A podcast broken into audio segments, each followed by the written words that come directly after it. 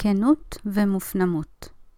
כשהתחיל הסגר, הרגשתי דווקא ממש טוב. וכשאני אומרת סגר, יכול להיות שאתם תאזינו לזה עוד הרבה מאוד זמן. מדובר פה על שנת 2020, סיפור הקורונה, כולנו בבתים. אז בהתחלה הרגשתי טוב, כי אני טיפוס כזה שאוהב להיות בבית, והסגר הזה נתן לי תירוץ טוב להישאר בבית ולהרגיש טוב עם זה. יש uh, איזושהי תחושת אשמה כזאת על הבחירה והרצון להיות בבית במקום לצאת ולפגוש אנשים. זה מצד אחד מרגיש לי הכי נורמלי בעולם, מצד שני זה לא ממש נורמלי מצד החברה. ולפעמים זה יוצר איזשהו בלבול וגורם לי להרגיש לא כל כך טוב עם עצמי, על זה שאני לא פועלת לפי איך שאני כאילו אמורה להתנהג. ובכל זאת, הזמן הזה לבד, עם עצמי ובבית, עושה לי טוב. כשהתחלתי להכיר מה זה אומר בעצם להיות טיפוס מופנם וגם רגיש מאוד, הבנתי שהזמן הזה לבד הוא בעצם זמן מאוד חיוני, כי הוא מטעין אותי. אז לא, אני לא משתעממת כשאני לבד, וכן, אני ממש ממש בסדר עם זה. והאמת היא שזה גם לא תמיד לגמרי לבד. בדרך כלל יש כמה אנשים שהם שייכים למעגל המאוד קרוב, ואיתם לרוב זה לא מרגיש מרוקן כמו יציאה החוצה ומפגש עם הרבה אנשים. אם יש משהו שבגללו חשוב לי לספר לכם את זה, זה כי חשוב לי שתבינו שאם אתם כאלה, זה לא אומר עליכם שאתם פחות טובים. אל תרגישו רע עם זה או אשמים, ואל תנסו גם ליישר את עצמכם ולהתאים את עצמכם לאיך שהחברה מצפה שאתם תהיו. כי החברה שלנו, כפי שהיא מתנהלת היום, היא מאוד מקדשת את המוחצנות ופחות את המופנמות. אדם מופנם נחשב לביישן, למרות שזה לא תמיד ככה. אדם מופנם יכול להיתפס לפעמים כאנטיפט או סנוב. הוא יכול להיחשב מוזר או מתבודד, כי איך זה יכול להיות שהוא לבד? בטח משהו בו מאוד מוזר, או פשוט אין לו חברים. אז לא, זה ממש ממש לא ככה, והאמת שזה גם רחוק מאוד מהמציאות. כי חבר'ה מופנמים, נכון שלפעמים יכול להיות שהם לא יהיו המסמר של המסיבה. מה זה לפעמים? מופנמים לא יהיו מסמר המסיבה, הם פחות אוהבים את התשומת לב הזאת. החברויות שלהם יכול להיות שלא יהיו רבות מאוד, אבל החברויות שכן יהיו להם בחיים שלהם, אלה יהיו חברויות מאוד מאוד עמוקות ואיכותיות. אז להגיד שטיפוסים מופנמים הם מתבודדים ואין להם חברים, הם בוחרים את הלבד, הם בוחרים להיות לבד.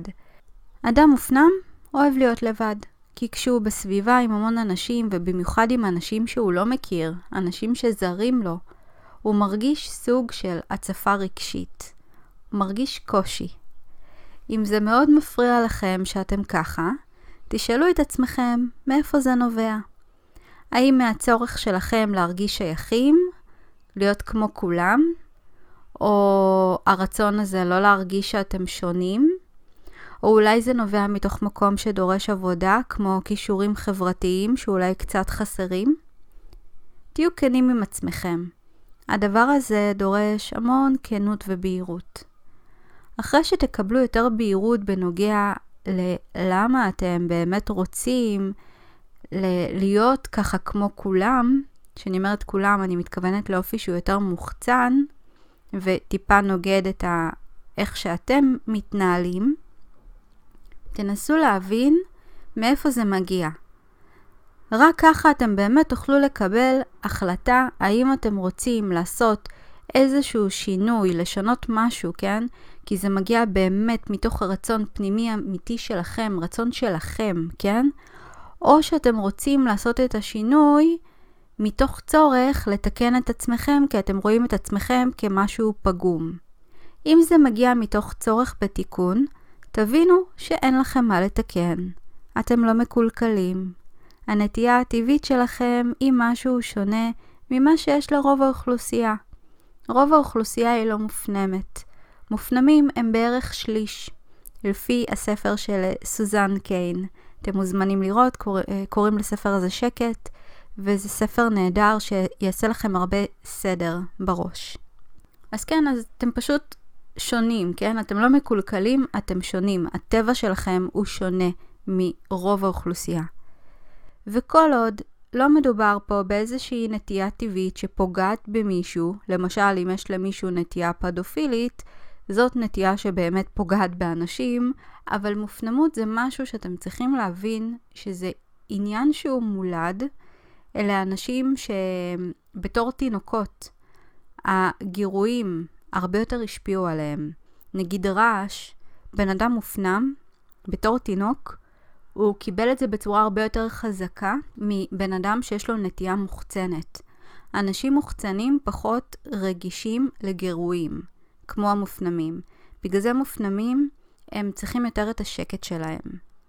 הם מוצפים הרבה יותר מהר מבן אדם שהוא מוחצן. הם פחות אה, רוצים ליצור את הגירויים השונים בחיים שלהם, כי הם מקבלים אותם פי כמה. אז כל עוד יש פה טבע, והטבע המופנם זה לא טבע שפוגע במישהו. אולי בן אדם יכול לפרש אתכם בתור אנטיפטים או סנובים, אבל אם באמת הוא ייתן צ'אנס אמיתי וככה ינסה להתקרב וינסה להכיר, הוא יגלה שאתם ממש ממש לא כאלה. כן, בדרך כלל אה, יש אה, רושם לא נכון באספקט הזה. גם אני במהלך החיים סבלתי מה, מהדבר הזה. אנשים חשבו שאני בן אדם סנוב. ואני הכי לא, מי שמכיר אותי, הוא יודע שאני לא טיפוס כזה, וכשאני מכירה אנשים, אני, אני מאוד נחמדה, מבטיחה לכם, כן? אה, אבל באמת, הקטע הזה של הסנוביות זה איזשהו רושם שהסביבה קולטת, וזה לא משהו ש, שתלוי בכם, זה איך שאנשים מפרשים אתכם. אבל זה שאתם מופנמים, זה לא אומר שאתם צריכים לתקן את זה. זה איזשהו דפוס אישיותי שיש לו את היתרונות שלו.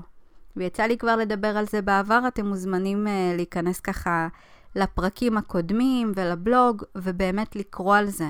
ובכלל, אתם יודעים, יש על זה מלא מידע היום באינטרנט. כל זה משהו באמת שלא פוגע באף אחד, למה אתם צריכים לתקן את זה? אלא אם כן אתם חושבים שהדבר הזה פוגע בכם באיזושהי צורה, מונע מכם דברים. ואז אם זה באמת באמת מפריע לכם, אז אוקיי, אז אולי אתם צריכים להתחיל לעבוד על כל מיני סוגים של כישורים שלכם. אה, יש כאלה שיגידו לכם שזה קשור לאמונות, שאתם מאמינים על עצמכם שאתם מופנמים. תראו, אני לא שוללת.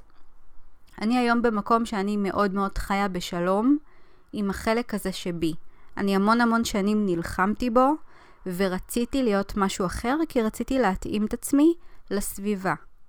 רציתי, ידעתי שהאופי המוחצן, אז לא ידעתי לראות את זה בתור מופנם ומוחצן, כן? אבל כל מיני מאפיינים מוחצנים, זה משהו שמשדר להצלחה. בדרך כלל אלה אלמנטים שהחברה יותר רואה אותם כמשהו מצליח. למשל, אנשי מכירות שהם מוחצנים, הם יהיו אנשי מכירות טובים יותר. כי למה? כי הם יותר חברותיים, אין להם בעיה ככה לדבר עם זרים, הם אה, בפתיחות כזאת, דברים שמופנמים יותר קשה להם איתם. אז בעבר באמת רציתי להיות יותר כזאת, כי רציתי יותר להצליח בחיים, ורציתי אה, להשתייך ולהיחשב, כן, להיות מאלה שמסתכלים אה, עליהם בצורה טובה. כי שוב, זה מה שהחברה מצפה מאיתנו.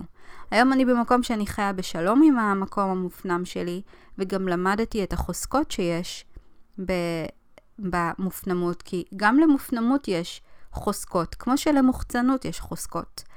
אז היום אני לפחות, אני שלמה עם זה, אני לא מרגישה צורך לשנות את זה. אני לא מרגישה היום שמופנמות פוגעת בי.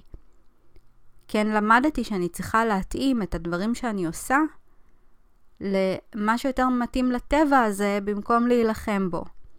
אז אם אתם מרגישים שזה פוגע בכם באיזושהי צורה, אז תחשבו איך זה פוגע בכם, מה זה בעצם מונע מכם היום. ותשאלו את עצמכם בעקבות זה, אם זה פוגע בכם באיזושהי צורה, האם יש משהו שאתם יכולים לעשות אחרת? אם נגיד אתם בעלי עסקים ואתם אה, מרגישים שהמופנמות אה, פוגעת לכם בעסק, כי אתם צריכים לעשות כל מיני דברים, כמו למשל, לא יודעת, לצלם וידאו, וקשה לכם עם זה.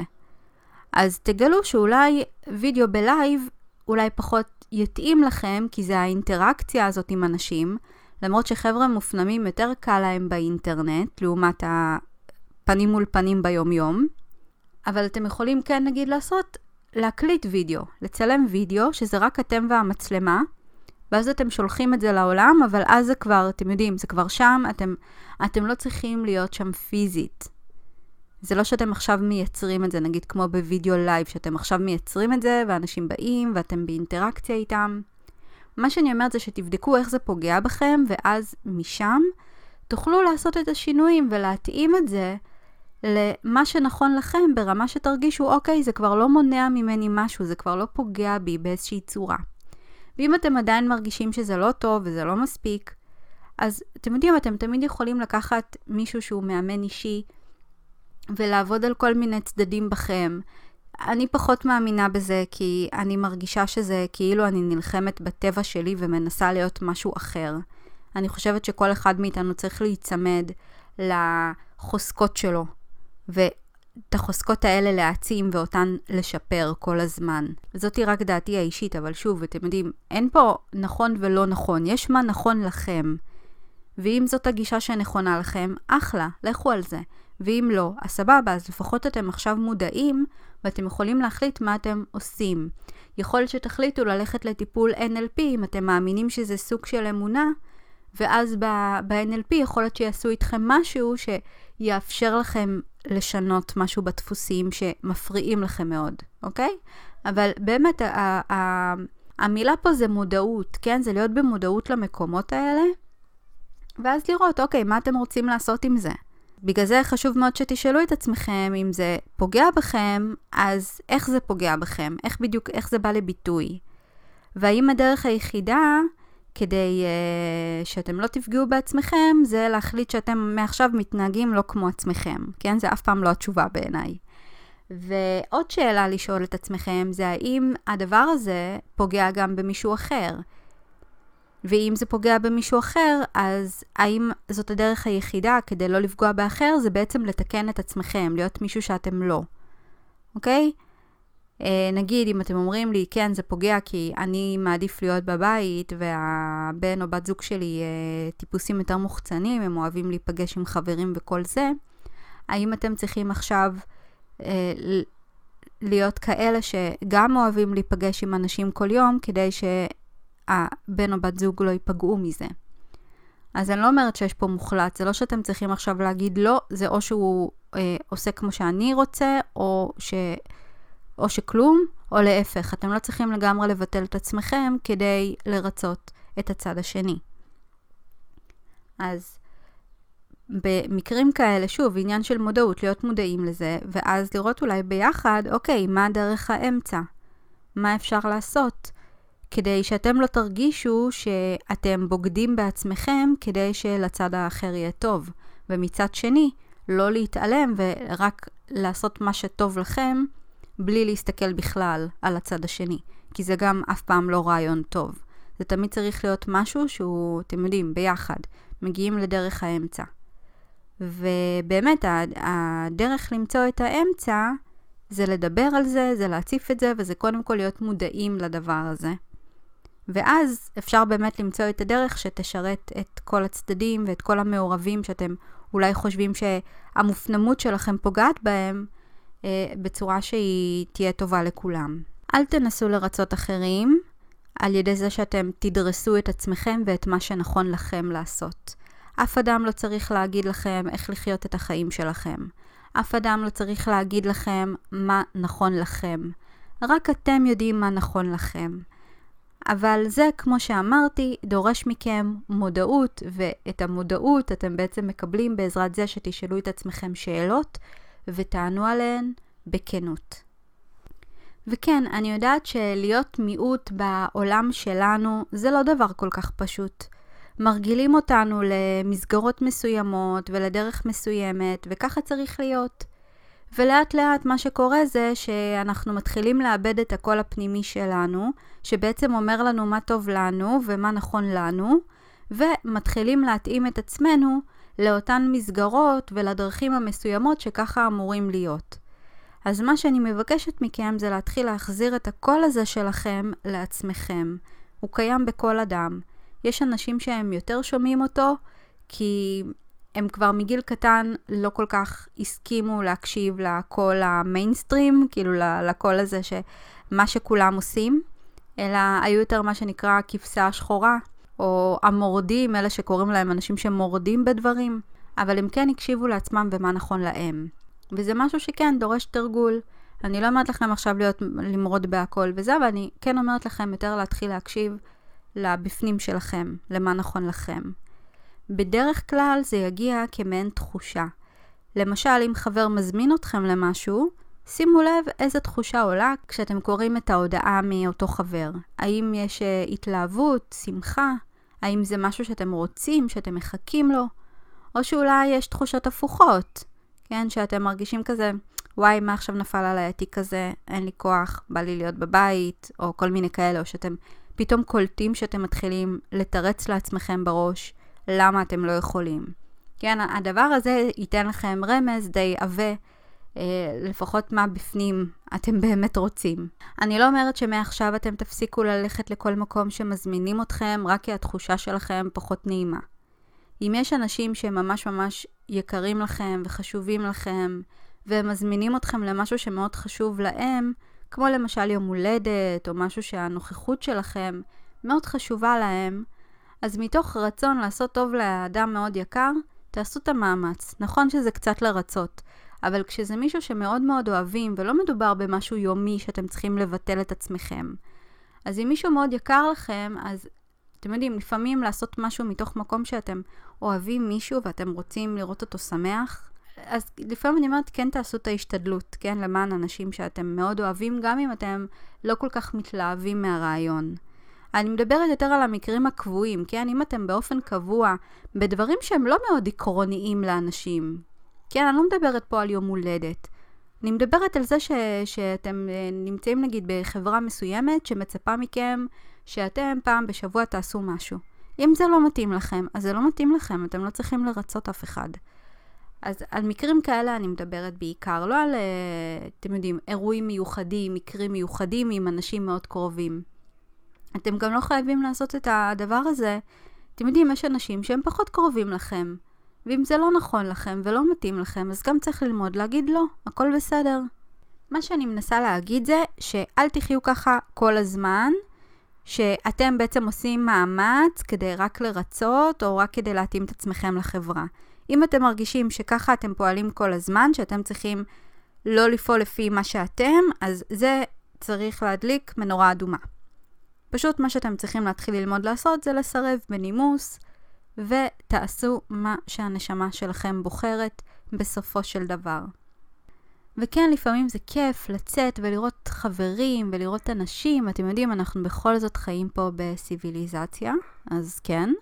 אז זה שאתם מופנמים, זה לא אומר שעכשיו כל החיים שלכם אתם צריכים להיות בבית מול המחשב, או הטלוויזיה, או הספרים, או מה שתבחרו. אני מאמינה שלכל אדם יש את הכמה האנשים האלה שתמיד כיף ונעים לפגוש אותם ואת סוג הבילוי המועדף. אתם לא צריכים לצאת לפאב כי זה מגניב וזה משהו שכולם עושים, אם זה משהו שאין לכם עניין בו. לי הייתה איזושהי תקופה בחיים שהיו לי כמה חברים ממש טובים, היינו קבוצה של ארבע, והבילוי שלנו היה לשבת בחוף הים בלילה עם גיטרה, כן, יכול להיות שזה יישמע קצת מוזר, האנשים היחידים שנמצאים בחוף הים בלילה יושבים עם גיטרה ואין עוד נפש חיה, אבל זה היה הכיף שלנו. ובזמן הזה, כן, באותה תקופה, אנשים בגילנו היו יוצאים למועדונים ונשארים שם עד איזה חמש בבוקר. זה היה הקטע שלנו. אנחנו היינו אוהבים משהו אחר, וזה מה שעשינו, וזה ממש בסדר. אנחנו לא צריכים להתאים את עצמנו למה שכולם עושים כדי להשתייך. אז בפעם הבאה תשאלו את עצמכם, מה בא לכם באמת? ולמה? ואם מה שעולה הוא שלילי, כמו אשמה או צורך לרצות ולעמוד בציפיות של אחרים, תרגישו הכי טוב בעולם לעשות בחירה שטובה לכם ולמי שאתם, וכך תישארו נאמנים לעצמכם.